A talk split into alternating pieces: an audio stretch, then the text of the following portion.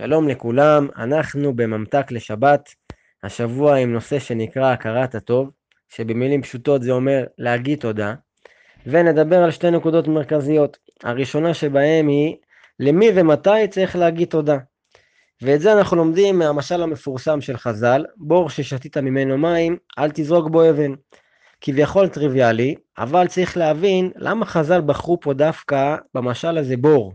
בור זה דומם, בור בכלל יודע לה, להבחין אם אני אמרתי לו תודה או לא, הוא עכשיו שמח שאמרתי לו תודה או לא, הוא דומם, מה זה משנה? אלא שזאת בדיוק הפואנטה. חז"ל באים ללמד אותנו שאמירת התודה לא תלויה בצד המטיב. מי הוא, מה היו הכוונות שלו, האם הוא שמח בתודה שאמרנו לו או לא שמח, זה בכלל לא רלוונטי, אלא עצם זה שהיטיבו איתנו, כבר זה בפני עצמו מחייב אותנו להגיד תודה. זה הדבר שנכון ושראוי לעשות אותו. ואם ניקח את זה רגע לחיים שלנו, אז נבין שבאמת יש לזה הרבה משמעויות. זה אומר שאם עכשיו אני נכנס לחדר המדרגות ועומד שם הילד של השכן, מחזיק את הדלת לאבא שלו שעומד להגיע, אבל לא פעם אני צצתי ונכנסתי, יוצא שהוא מחזיק את הדלת, הוא לא התכוון להחזיק את זה עבורי, אבל אני קיבלתי פה טובה, מן הראוי שאני אודה לו למרות שהוא לא התכוון להיטיב איתי.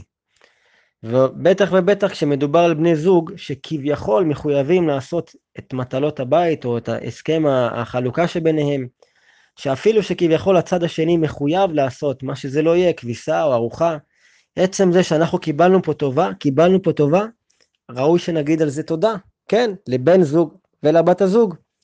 אז זאת הנקודה הראשונה. הנקודה השנייה היא שאדם שבאמת מרבה באמירת התודה, הוא תורם רק לעצמו, והוא מוסיף לעצמו מנה גדולה של עושר, באלף, לחיים שלו.